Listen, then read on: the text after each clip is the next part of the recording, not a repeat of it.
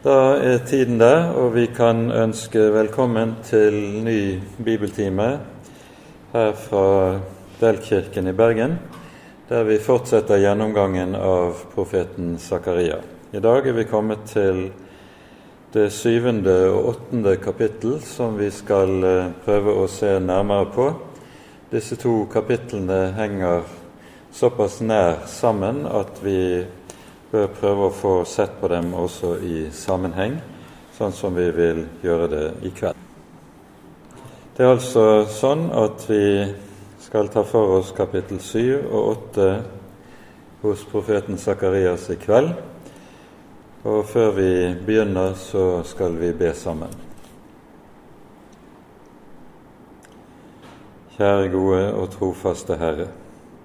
Nå takker og lover vi deg igjen for all din nåde og all din godhet imot oss. Takk at din nåde varer til evig tid, fordi du har gitt din Sønn i vårt sted, og det Han gjorde for vår skyld, det holder i tid og i evighet. Takk, gode Gud og Hellige Far, at du er den trofaste og at vi skal få lov til å komme til deg i Jesu navn til enhver tid. Nå ber vi, Herre, at du vil være hos oss denne kvelden. Vi ber om Din Hellige Ånds lys, lys i Ordet, slik at Ordet også kan gi lys inn i våre liv, slik vi trenger det. Lys sånn at vi først og fremst kan lære deg rett å kjenne. Herre, forbarm deg over oss. Amen. Sist gang så gikk vi altså gjennom det femte og sjette kapittelet i Sakarias profetiske bok. Og eh, dette med det sjette kapittel så avsluttes første hoveddel av dette profetskriftet. Denne hoveddelen utgjøres av åtte syner, som altså avsluttes i det sjette kapittel. Og i disse synene så dreier det seg først og fremst med utgangspunkt i gjenreisningen av tempelet, for, som er hoved arbeidet for de hjemkomne fra fangenskapet i Babylon. Med dette som utgangspunkt så tales det både til folket, og kalle, folket kalles til omvendelse, og det pekes fremover mot den lovede frelser, den lovede Messias. Med det syvende kapittel så begynner den annen hoveddel i boken der vi ikke lenger møter syner på samme måten som i første hoveddel, men mer det vi kunne kalle direkte profetier, profetier som taler primært direkte inn i Israels aktuelle situasjon, og deretter peker fremover mot enden. Så begge disse perspektivene hører med i dette, disse to kapitlene, like som det gjør det ellers i hele Sakarias bok. Kapittel 7 begynner med en tidfestelse, akkurat som vi hører det i det første kapittel. I første kapittel så nevnes det at Herrens ord kom til Sakarias i Darius annet år. Eh, Darius eh, kom på tronen som øverste konge i det persiske riket i år 521 før Kristus. Og i år 520 altså er det at både Zakaria og profeten Haggai kalles til sin profetiske gjerning. Og Utgangspunktet for denne gjerning det er nettopp det vi har talt om. Det er gjenreisningen av tempelet i Jerusalem. Da de hjemkomne fra Babylon var, fikk vende tilbake ca. 16 år tidligere, etter at Persia hadde eh, overtatt så å si verdensherredømme fra det babylonske riket, så startet det hjemvendte umiddelbart på gjenreisning av tempelet. Men de møtte på så store vansker og fiendskap fra nabofolkene at de etter hvert ga opp hele arbeidet. Og så lå arbeidet nede i hele 15 år, frem til altså Zakaria og Haggai trer frem og på Herrens ord kaller folket til å ta arbeidet opp igjen. Og Fire år senere, i år 516, er det altså at det gjenreiste tempel står ferdig og innvies på ny, slik som vi hører om det hos, i Esras bok og videre lenger ute også hos Nehemia. Tidfestingen som vi her hører i eh, det syvende kapittel, det er altså i Darius' fjerde år, vil si i år 518, at det, det budskap vi møter i disse to kapitlene, skal forkynnes for Israels folk. Og vi leser da det syvende kapittel i sammenheng. I kong Darius' fjerde år kom Herrens ord til Zakaria på den fjerde dagen i den niende måneden, i måneden Kislev.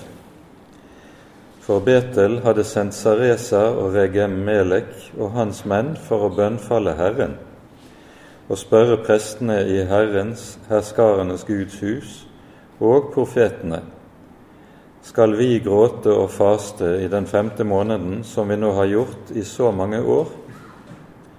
Da kom Herrens, herskarenes Guds ord til meg, og det lød så. Si til alt folket i landet og til prestene. Når dere har fastet og klaget i den femte og den tjuende måneden, og det, og det nå i 70 år, er det da for min skyld dere har fastet? Og når dere spiser og drikker, er det da ikke dere selv som spiser, og dere selv som drikker? Minnes dere ikke de ordene Herren lot utrope ved de tidligere profeter, da Jerusalem lå der i ro og fred med sine byer rundt om, og likeså Sydlandet og lavlandet? Og Herrens ord kom til Zakaria, og det lød så. Så sa Herren, herskarenes Gud, døm rettferdige dommer og vis miskunn og barmhjertighet mot hverandre. Undertrykk ikke enker og farløse, fremmede og arminger, og tenk ikke ut ondt mot hverandre i deres hjerter. Men de ville ikke akte på det. I sin gjenstridighet satte de skulderen imot. Sine ører gjorde de døve, så de ikke hørte. Sitt hjerte gjorde de hardt som en diamant, så de ikke hørte på loven og de ordene Herren, herskarenes Gud, sendte ved sin ånd gjennom de tidligere profeter. Derfor kom det en stor vrede fra Herren, herskarenes Gud. Og like som han ropte og de ikke hørte, slik, sa Herren, herskarenes Gud, skal de rope, og jeg vil ikke høre. Jeg spredte dem som i en stormvind blant alle hedningefolkene, som de ikke kjente, og landet skal ligge øde etter dem, så ingen drar frem eller tilbake der. Og slik gjorde de det herlige land til en ørken. Det vi hører her som foranledning til profetens budskap det er at det kommer en delegasjon fra Betel til Jerusalem for å bønnfalle Herren, sies det, og spørre prestene. Ordet som er oversatt med 'å bønnfalle', det kommer av et ord som eh, betyr å være hjelpeløst svak, ja, kanskje syk, slik at man er i så stor nød at man ikke kan greie seg uten Herrens hjelp. Det er bak, eller grunnbetydningen av eh, dette ordet som er oversatt med å bønnfalle. Det er ikke et helt vanlig ord som her anvendes for bønn, eh, slik vi ser det ellers i Det gamle testamentet. Det er et meget uvanlig uttrykk som anvendes. Hvem denne eh, delegasjonen egentlig er, er man de som arbeider med, med Det gamle testamentet, usikker på. Noen tror at disse navnene som nevnes, Saresa og Regemelek, er er egennavn. Begge navnene er persiske, det er ikke israelske navn. Og det betyr i tilfelle at det er navn på noen av de hjemkomne fra Babel som er født der, og så har fått navn som var i tråd med det som var vanlige omgivelsene, altså persiske navn. Andre mener at dette er titler på eh, tjenere for den persiske eh, stattholderen i området. Eh, Bl.a. navnet Regemelek kan tyde på det. I det eh, ordet Melek det betyr nettopp konge, og altså kan det være en kongens tjener som eh, det her er tale om. Det er for så vidt av underordnet betydning, akkurat det, men de kommer altså for å forhøre seg om fasten. De skal spørre prestene i Herrens herskarenes Guds hus og profetene, sies det.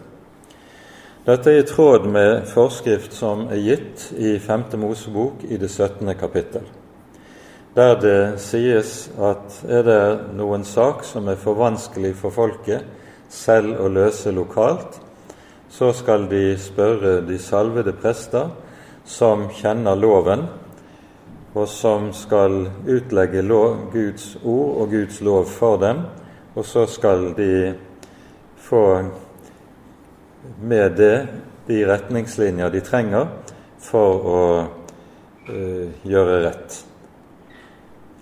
Og I den sammenhengen sies det også uttrykkelig at den mann som ikke vil innrette seg etter det ord som Herrens eh, prester kunngjør eh, ut fra Guds lov, han skal regnes som en opprører og får dertil behørig straff.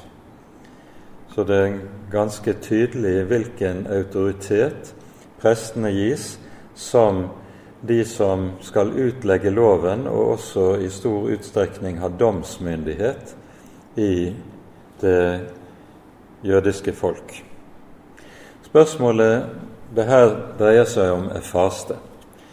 Og de stiller spørsmålet skal vi faste i den femte måned, som vi nå har gjort i så mange år. Og vi hører det nevnes noen vers nedenfor at det taler om 70 år. Den fasten disse tenker på, det er en faste som det jødiske folk fortsatt holder fast på Eh, det er den niende dagen i måneden av. Tishabe av heter det på hebraisk. Eh, og det, denne dagen fastet en til, i, til minne om og i sorg over at babylonerne ødela og brente ned Salomos tempel nettopp på denne datoen. Det hører vi sies i krønikebøkene. Og Dernest så sier også jødisk tradisjon at da romerne senere erobret Jerusalem i år 70, og Titus sine hærer inntok og ødela Jerusalem, så brant også tempelet da ned på nøyaktig samme dato, den niende dato i måneden av. Og Derfor holdes denne dagen som en særlig helligdag i det jødiske folk, der en samles i synagogen, og til lesningene i synagogen denne dagen hører alltid klagesangene. En leser alltid klagesangene, disse fem kapitlene vi der finner, i sammenheng i synagogen på denne dagen. Og det er fortsatt også en fastedag i det jødiske folk. Nå nevnes det i tillegg til dette, slik som vi hører det, noen eh, andre datoer i det femte verset. Der sies det den femte og den syvende måned, og det er nå i 70 år. Den syvende måned, det var jo da slik at babylonerne inntok Jerusalem i år 587 i den femte måned, slik som vi, vi har hørt. Og etter at Jerusalem er revet ned og det aller meste av folket er ført i fangenskap eller drept under beleiringen, så setter den babylonske kongen Nebukadnesa Gedalia, som er en etterkommer av David, setter ham til stattholder over de som blir tilbake i landet. Landet er meget tynt befolket, men de må ha styring og regenter, og Gedalja får av eh, Nebukadnesa myndighet til å styre. Så er det da en eh, gruppe seloter som eh, er meget nidkjære i sin motstand mot babylonerne, som i den syvende måned myrder Gedalia og hans nærmeste medarbeidere, og i frykt for babylonernes hevn tar de så med seg den lille rest som er tilbake av folket, og flykter til Egypt. Jeremias er en av de som tvinges med på denne flukten til Egypt, og i Egypt er det Jeremias lider martyrdøden. Han blir steinet av disse folkene som tvinger ham med seg. Så dette er en del av historien. Det er en fryktelig historie som utspinner seg i disse årene i det jødiske folk. Så det var altså også holdt en faste til minne om drapet på Gedalia. Disse to dagene er det altså som benevnes i det femte verset her i kapittelet, og dette er den historiske rammen som ligger til grunn for det vi her hører. Og Nå stilles altså spørsmålet hva med denne fasten? Skal vi fortsette med den? Og så er det at Herren svarer, er det for meg dere har holdt faste? Og vi skjønner hva som ligger til grunn for dette. Grunnen for denne fasten er nasjonal sorg.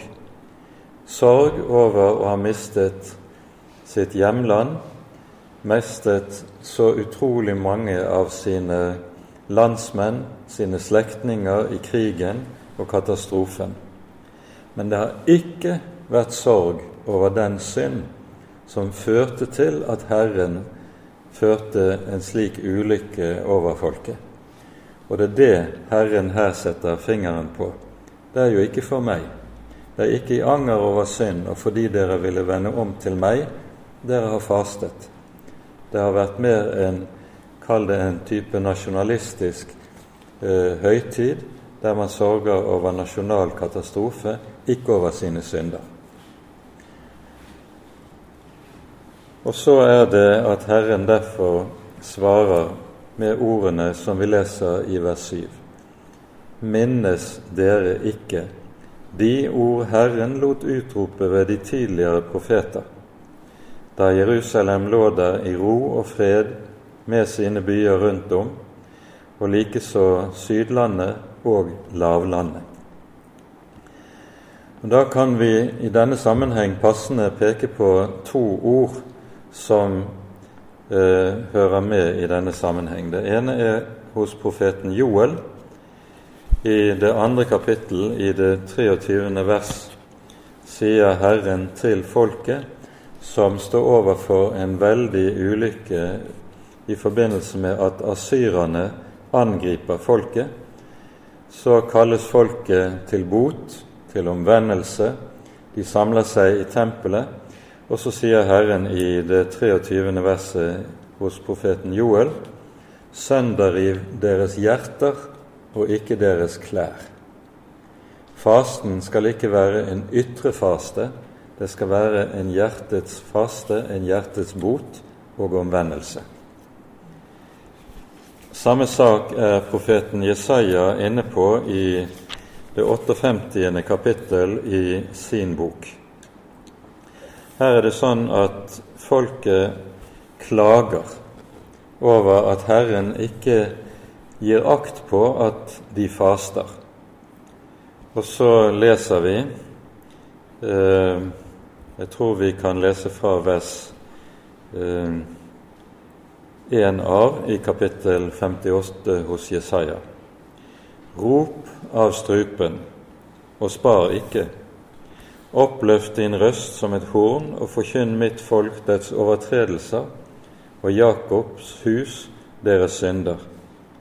Meg spør de dag for dag, de krever å få vite mine veier. Som om de var et folk som har gjort rettferdighet og ikke forlatt sin Guds lov, krever de av meg rettferdige dommer. De vil at Gud skal komme nær til dem. Hvorfor faster vi, og du ser det ikke? Hvorfor plager vi vår sjel, og du akter ikke på det? Se, svarer Herren, på den dagen dere faster, gjør dere som dere lyster, og utbytter arbeidsfolkene deres. Se, for å trette og strides faster dere, for å slå med ugudelighetsneve. Dere faster ikke slik nå at deres røst kan bli hørt i det høye. Er dette den faste jeg finner behag i, en dag når et menneske plager sin sjel? at en bøyer sitt hode som et siv og reder sin seng i sekk og aske, kaller du det en faste og en dag som behager Herren? Er ikke dette den faste jeg finner behag i, at dere løser ugudelighetslenker, sprenger åkets bånd, slipper undertrykte fri og bryter hvert åk? Er det ikke det at du bryter ditt brød til den som sulter og lar hjemløse stakkarer komme i hus? når du ser en naken, at du da kler ham, og at du ikke drar deg bort fra dem som er av ditt eget kjøtt og blod. Det siste verset som vi her leser, det er jo dette verset Jesus eh, gjør bruk av i sin store domslignelse i Matteusevangeliets 25. kapittel.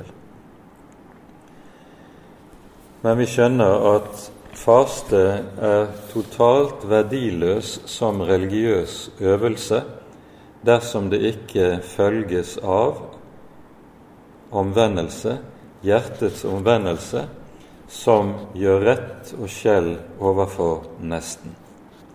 En del av det som var tilfellet med det jødiske folk på Jesajas tid og senere, er nettopp at de rike og de mektige utbytter og utnytter de fattige til egen fordel og vinning, og tar tallrike av sine egne folkefeller til treller pga. at de legger åker, ågerrenter på folket, og slik kan eh, så å si kaste de i gjeldsfengsel i form av da slaveri. Dette er situasjonen i eh, Israel på Jesajas tid, og Joel knytter an til samme tankegang når han sier 'sønderriv deres hjerter og ikke deres klær'. Det er det som er tale om, og det er dette altså Zakaria ber folket om å komme i hu. Minnes dere ikke de ord Herren lot utrope ved de tidligere profeter? Det er tallrike andre ord som også hører med i denne sammenhengen, uten at vi behøver å komme inn på det. Og så hører vi at det sies videre Herrens ord kom til Zakaria, og det lød så. Så sa Herren. Og så minner profeten om hva Herren tidligere har latt forkynne for folket i, eh, forut for katastrofen med det babylonske fangenskapet. Det vi legger merke til i denne sammenheng, det er at det som var noe av et hovedproblem før det babylonske fangenskapet, det var avgudsdyrkelsen. Folket sto, hadde en stadig fristelse til å venne seg til nabofolkenes guddommer, Baal, Astarte og hva de nå heter, de ulike guddommene nabo, blant nabofolkene. Denne trangen til avgudsdyrkelse, den ser ut til å ha blitt knekket i det babylonske fangenskap. Og Derfor hører vi ikke at de profetene som virker etter hjemkomsten fra Babylon, eh, taler om avgudsdyrkelse i folket. Det de, de i stedet tar opp og tar for seg, er den ubarmhjertighet eh, mot Eh, de fattige, mot de hjelpeløse, mot, de, mot enker og foreldreløse osv. Det er det som stadig tas opp og benevnes som synder i folket, og som folket kalles til å omvende seg fra. Og Det er det vi altså også hører om her i denne sammenheng. Døm rettferdige dommer sies det, og vis miskunn og barmhjertighet mot hverandre. Når det sies 'døm rettferdige dommer', så peker det på at de rike og de mektige har eh, kontroll over domstoler og rettsvesen, og utnytter rettsvesenet til egen fordel. Og Dermed blir de dommer som felles i retten, også urettferdige dommer, som stadig er til fordel for de rike og mektige, i stedet for at den fattige får sin rett. Det er noe av det som her påtales. Så minner profeten på ny om det som var Israels ulykke i disse årene. Det sies i vers 11 og vers 12.: Men de ville ikke akte på det i sin gjenstridighet satte de skulderen imot. Sine ører gjorde de døve, så de ikke hørte. Sitt hjerte gjorde de hardt, som en diamant, så de ikke hørte på loven. Og de ordene Herren herskarenes Gud sendte ved sin ånd gjennom de tidligere profeter. Derfor kom der en stor vrede fra Herren, herskarenes Gud. I vers 11 og vers 12 beskrives meget nøyaktig det som var hovedsynden i Israels folk. De ville ikke høre. I eh, det siste kapittel i andre krønikerbok sammenfattes det som var årsaken til katastrofen når Jerusalem og Israels folk går under for den babylonske hærmakten. Det sies i 2. Krønikerbok 36 fra vers 15 slik.: Herren, deres fedres Gud, sendte sine ord til dem ved sine sendebud, tidlig og sent.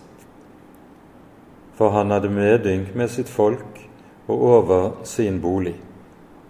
Men de spottet Guds sendebud og foraktet Hans ord og hånte Hans profeter, inntil Herrens vrede mot sitt folk ble så sterk at det ikke lenger var noen legedom. Israels hovedsynd er nettopp det at de ikke ville høre. Og dette er også det som Motsatt er det helt avgjørende med tanke på frelsen. Det er et menneskes frelse ligger i dets hørsel. Der et menneske lytter, hører og tar til seg Guds ord, der vil et menneske også bli frelst. Paulus sier det troen kommer av forkynnelsen.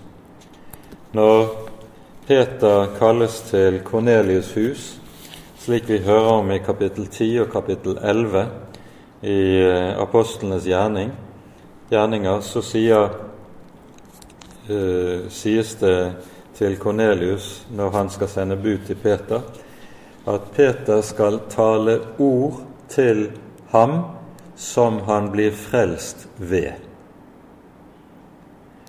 Han blir frelst ved å lytte til evangeliets budskap.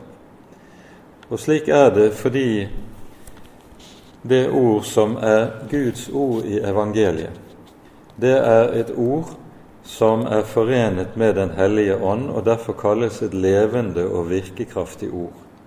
Ordet er ikke et dødt ord, det er et levende ord. Og Når vi lytter til Ordet, så gjør Gud sin gjerning i våre liv og i våre hjerter. Og Derfor er det farligste et menneske kan gjøre, det er å forherde seg imot Guds ord og ikke ville høre Herrens ord. Hos profeten Jesaja sies det i det 50. kapittel til Israels folk Hør, så skal dere leve. Frelsen ligger i hørselen. Fordi Herren har knyttet sin frelsende makt sammen med det budskap som lyder til oss i Ordet i evangeliet. Profetene kaller Israels folk til omvendelse, og folket vil ikke høre. Og det som er en av grunnene til at folket ikke vil høre, det hører, ser vi hos uh, Jeremia i det syvende kapittel. Her er det tale om at folket nærmest tråkker ned Herrens forgårder. De er meget ivrige i sin gudstjeneste og i sin gudsdyrkelse.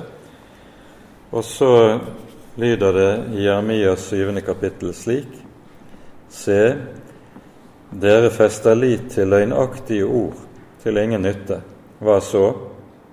Dere stjeler, dere slår i hjel, dere bryter ekteskapet, dere sverger falskt og brenner røkelse for Baal og følger andre guder som dere ikke kjenner. Og så kommer dere og står frem for mitt åsyn i dette hus som er kalt ved mitt navn, og sier, Vi er frelst. Og så vil dere fremdeles gjøre alle disse motbydelige ting. Er da dette hus som er kalt med mitt navn, blitt en røverhule? spør Herren så. Altså, folket er ivrige i sin gudsdyrkelse. De ofrer, de går til tempelet, de ber, de holder høytidene og helligdagene og er nøye på alt slikt, men de lever videre i sine synder. De vil ikke vende om. Og Derfor er det slik også at når Jeremia senere ut i det syvende kapittel skal sammenfatte det som er Guds dom over folket, så sier han om Israels folk dette er det folk som ikke har villet høre på Herrens ord.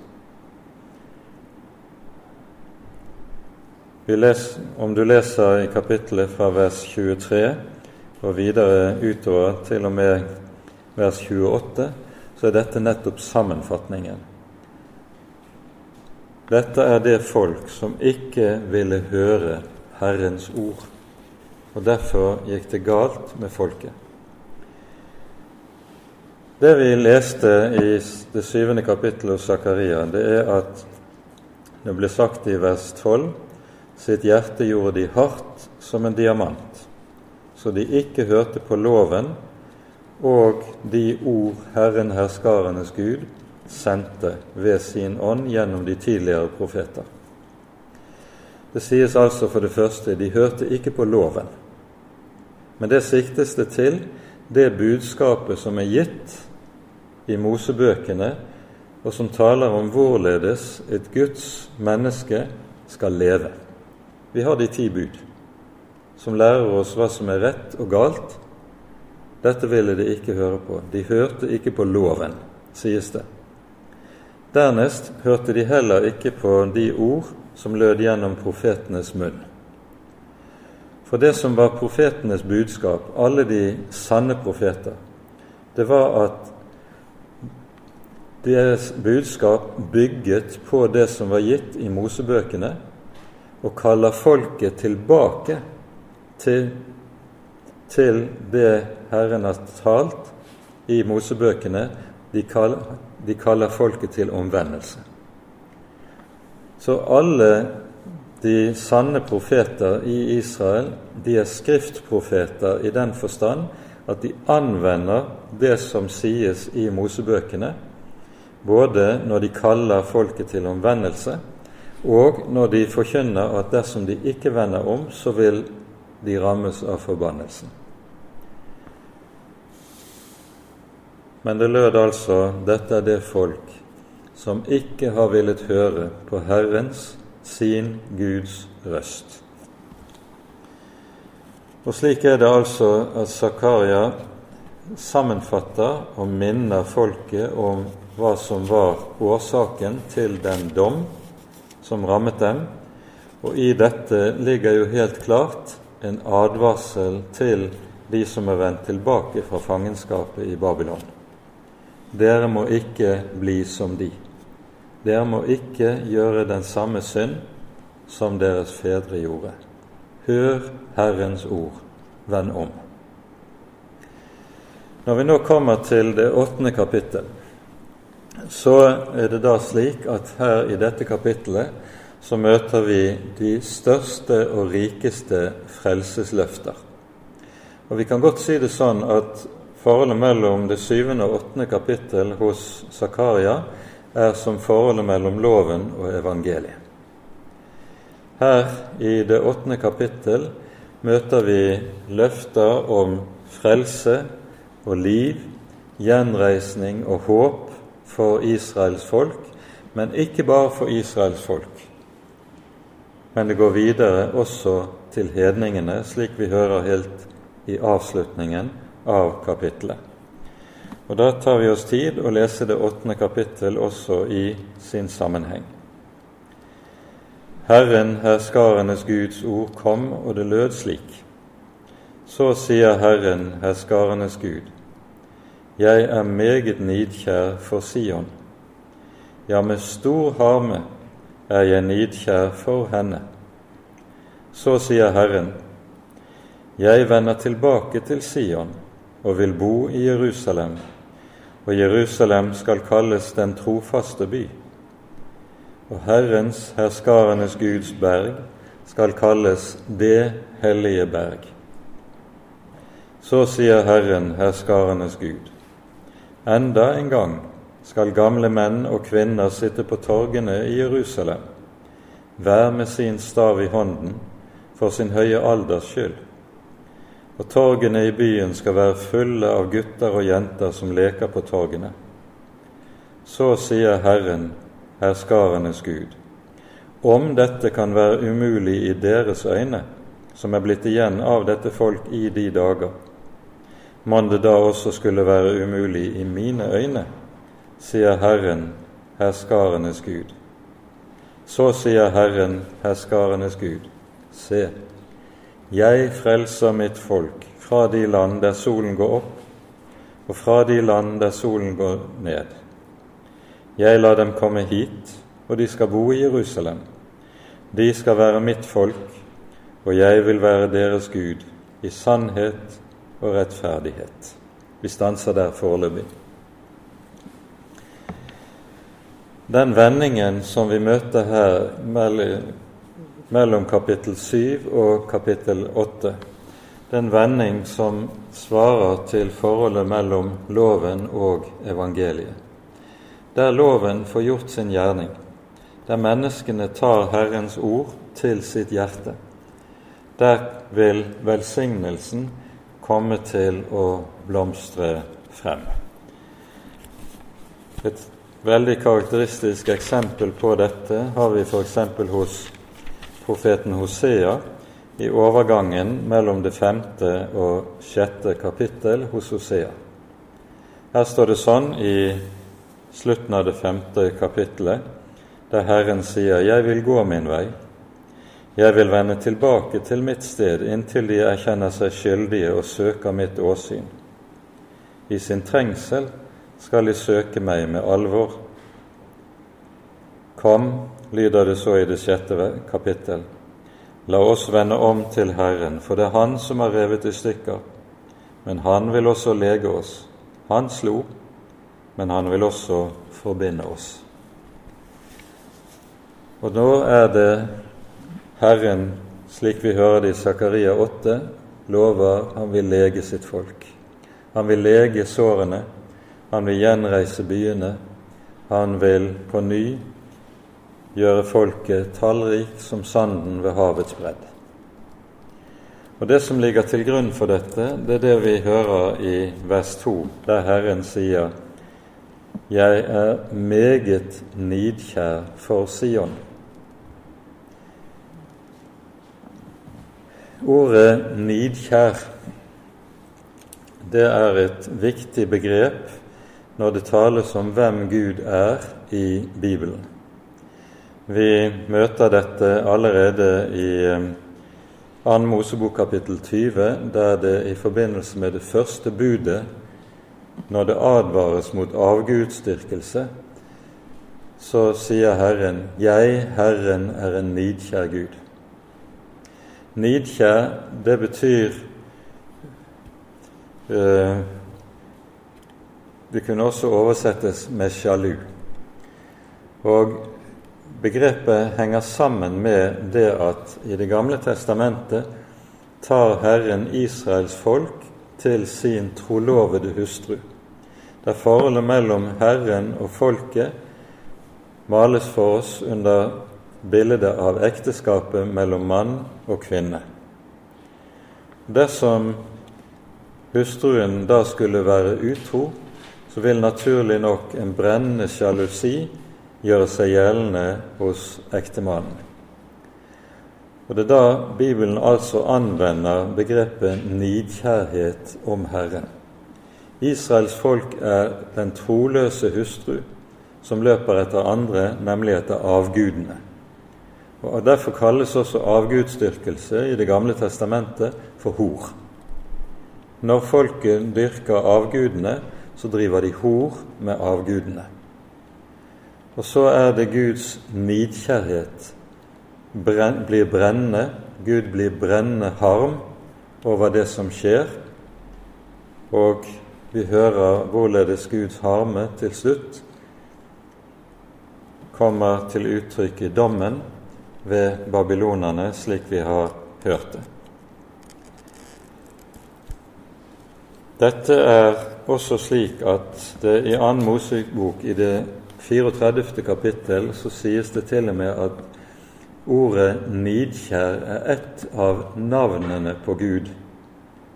Det er altså slik at dette er en vesensbestemmelse ved hvem hva Bibelen sier om hvem Gud er.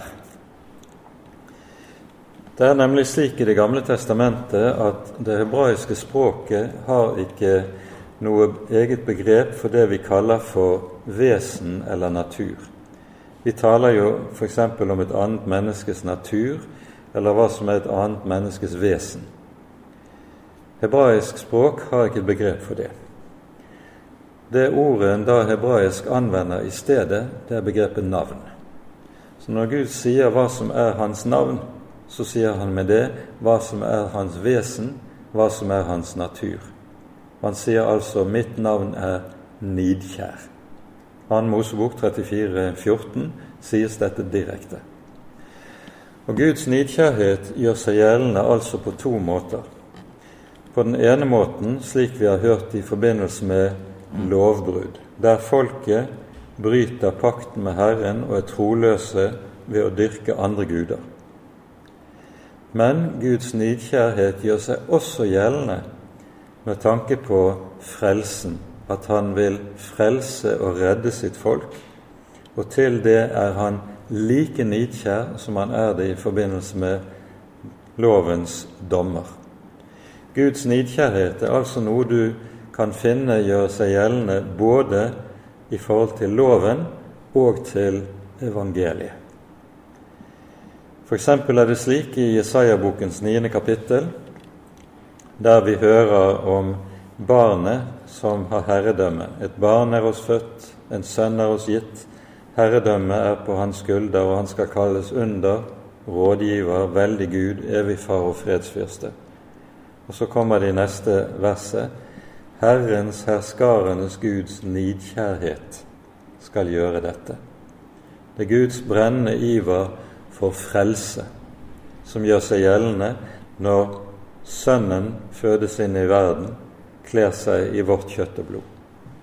Og det er denne nidkjærhet til frelse som det altså her er tale om i begynnelsen av det åttende kapittel, like som dette også er noe som lyder ved innledningen til Sakarias bok i det første kapittel. Der er det også tale om hvorledes Herren er nidkjær for sitt folk, nemlig for dets frelse. Det er saken i dette.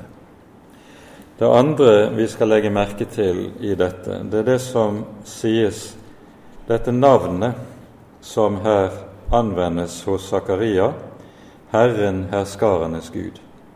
Det er det navnet som anvendes på Herren hyppigst hos Zakaria, like som hos Haggai. Og her i kapittel 8 er det slik at du møter ti frelsesutsagn eh, fra Guds munn, og hvert frelsesutsagn innledes med ordene 'Så sier Herren, herskarenes Gud'. Hva ligger det i dette begrepet 'herskarenes Gud'? Vi har en god forklaring på dette i Salme 119. Her står det slik i fravers under bokstaven Lamed L i Salme 119, fravers 89 til 91. Til evig tid, Herre, står ditt ord fast i himmelen. Fra slekt til slekt varer din trofasthet. Guds trofasthet er altså noe som varer fordi Guds ord står fast i himmelen. Gud løper ikke fra, fra sitt ord. Har han talt, så står han ved det til evig tid, for det er grunnfestet i himmelen. Og så kommer det neste. Du grunnfestet jorden, og den sto der. Til å utføre dine dommer står de der enn i dag, for alle ting er dine tjenere. Himmel og jord står der fordi Gud har satt den der. Og så sies det at alle ting er dine tjenere. Alt som er i himmel og jord, står til Guds rådighet. Han gjør hva han vil. Han er den allmektige som råder over absolutt alt. Derfor kalles han herskarenes Gud. Alle ting er dine tjenere sies det i Salme 119. En meget viktig tekst å legge merke til. Nå rekker vi ikke å gå inn på uh, alt som sies her i det åttende kapittel i detalj, men skal bare peke på to saker. For det første det som sies i vers 6 om dette kan være umulig i deres øyne, deres øyne som er blitt igjen av dette folk i de dager, mon det da også skulle være umulig i mine øyne. Det som her sies, det er en gjenklang av Herrens ord til Abraham og Sara etter at Herren har besøkt de to gamle, slik vi leser om det i Første Moseboks 18. kapittel. Abraham er da 99 år gammel, Sara ti år yngre, og Herren kommer til de to gamle med løftet som lyder Ved denne tid neste år skal Sara ha en sønn. Så hører vi Sara ler, for dette er jo helt umulig. Og Herren svarer skulle noen ting være umulig for Gud. Og Derfor er det også slik at Isaks fødsel, når Sara er 90 og Abraham 100 år gammel, det er et under der Gud skaper liv av døde. Noe som Paulus utlegger nærmere, særlig i eh, Romerbrevets fjerde kapittel og i Galaterbrevets fjerde kapittel, uten at det er tid til å gå inn på det i denne sammenheng. Når Luther utlegger denne teksten, så sier han at her, i møte med det som her sies, så skal vi øve oss å se bort fra alt det vi kan se med våre øyne, og utelukkende se på hva Gud sier i sitt ord. For Når vi bruker våre øyne og ser på omstendighetene, så vil vi naturlig nok tenke dette er umulig. Og så bedømmer vi ofte Gud etter hva vi etter menneskelig forstand tenker kan være mulig. Hvis sånn og sånn er mulig i en vanskelig situasjon, da ber vi til Gud i håp om at Han kan gripe inn. Men hvis det er umulig, så tenker vi da kan selvfølgelig Gud ingenting gjøre. Men det som jo er kjernen i det som vår Bibel forteller oss om Guds gjerninger når Han griper inn, så griper han alltid inn og gjør det som er menneskelig talt umulig. Om igjen og om igjen er det tilfellet. Derfor ser vi også f.eks. i Jesu helbredende gjerning de under Jesus gjør sin, når han helbreder mennesker, det er alltid overfor mennesker som er uhelbredelig syke, der intet menneske kan gjøre noe som helst til eller fra for å hjelpe. Jesus helbreder ikke forkjølelser. Jesus helbreder spedalske. Han vekker opp døde. Han gir blindfødte synet igjen. Han gir døve hørselen tilbake. Han gjør det som i enhver forstand er menneskelig talt umulig. Og det er det som kjennetegner undergjerningene slik de tegnes for oss i Skriften, og dette gjelder også det som her sies når Gud griper inn, da skjer nettopp det som menneskelig talt er umulig. Og Det er jo det som skjer med Israels gjenfødelse etter katastrofen i Babylon. Og det er det som også skal skje med folkets gjenfødelse i den siste tid. Dette er en av de tekstene for øvrig som uh, ligger bak når apostelen Paulus i Romerbrevets ellevte kapittel taler om Israels, det jødiske folks, fremtidige omvendelse.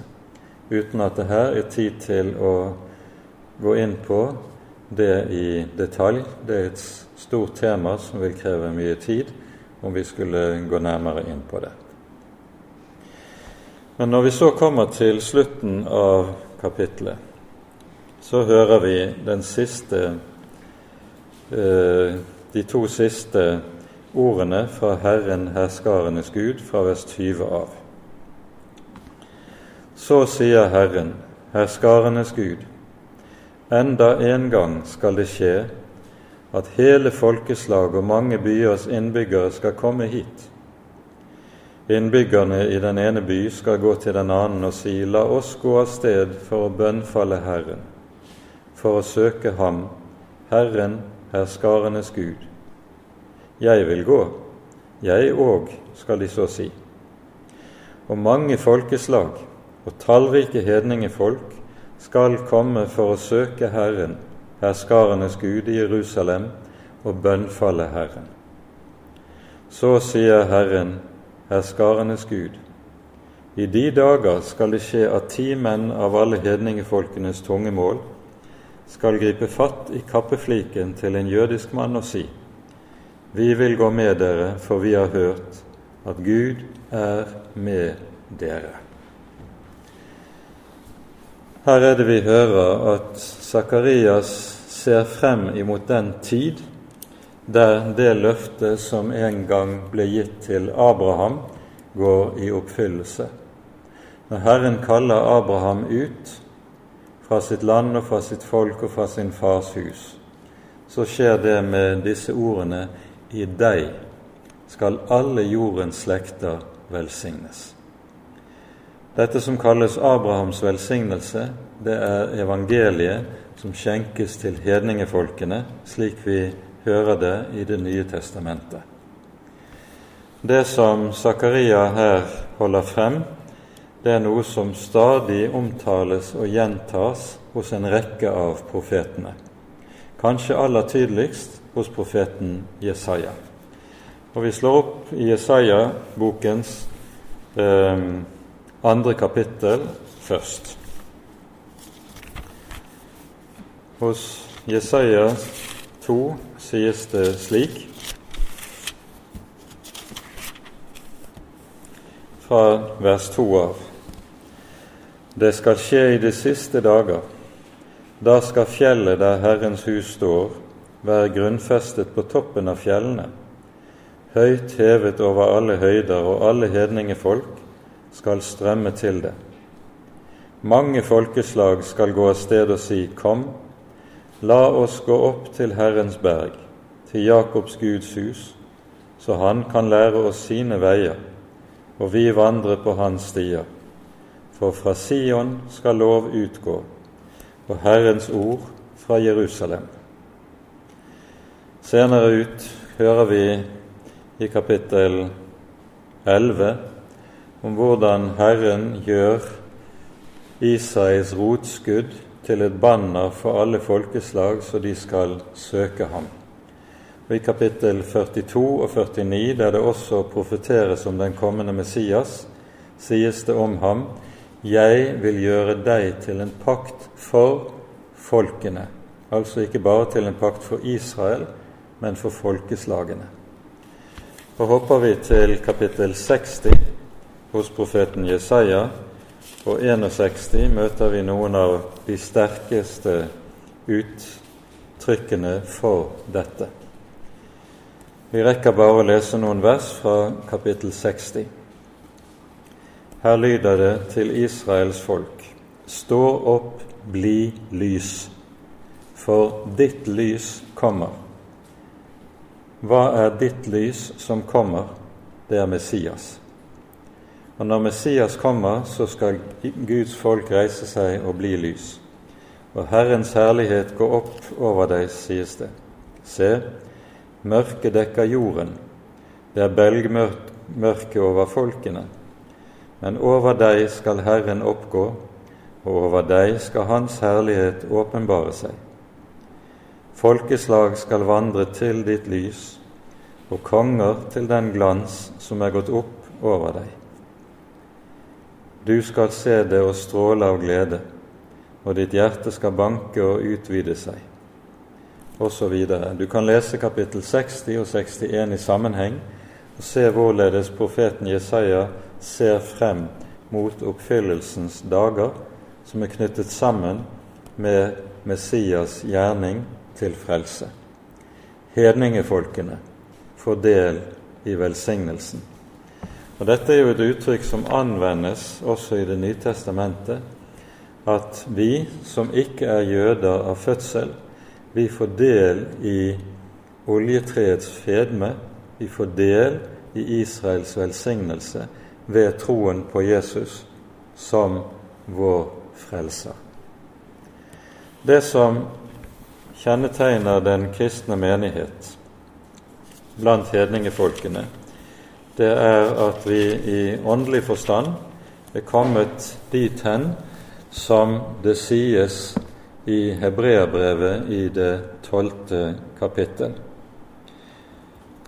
Her leser vi fra vers 18, og vi slutter med disse versene. For dere altså det tales til menighetene. Dere er ikke kommet til et fjell en kan føle på, til flammende ild og skyer og mørke og storm, til basunlyd og en røst som talte, slik at de som hørte den, ba om at det ikke måtte bli talt mer til dem. Her er det tale om loven og den gamle pakt. Det er ikke den vi er kommet til, Det er ikke den vi er kommet inn i. Men så lyder det videre fra vers 22.: Men dere er kommet til Sions berg, til den levende Guds by, det himmelske Jerusalem, til englenes myriader, til høytidsskaren og til menigheten av de førstefødte som er oppskrevet i himlene, til én dommer som er alles Gud, og til de fullendte rettferdiges ånder og til Jesus, mellommannen for en ny pakt, og til bestenkningens blod, som taler bedre enn Abels blod. Ved Jesu blod er vi renset. Ved Jesu blod er vi renset fra alle våre synder.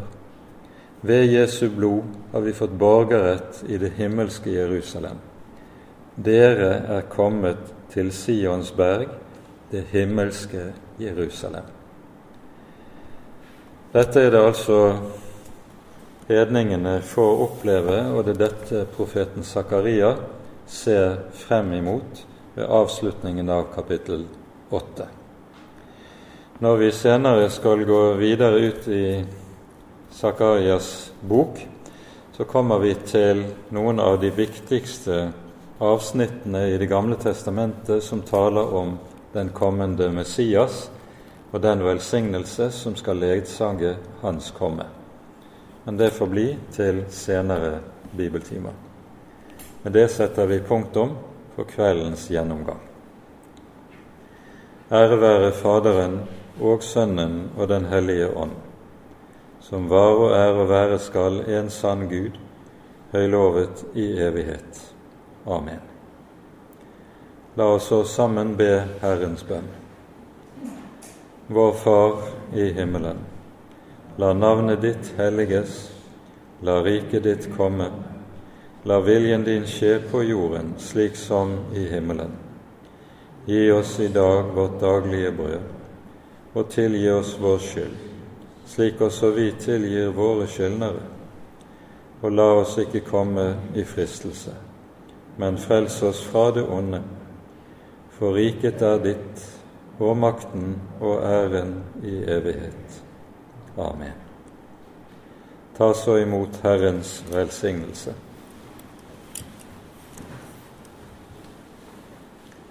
Herren velsigne deg og bevare deg.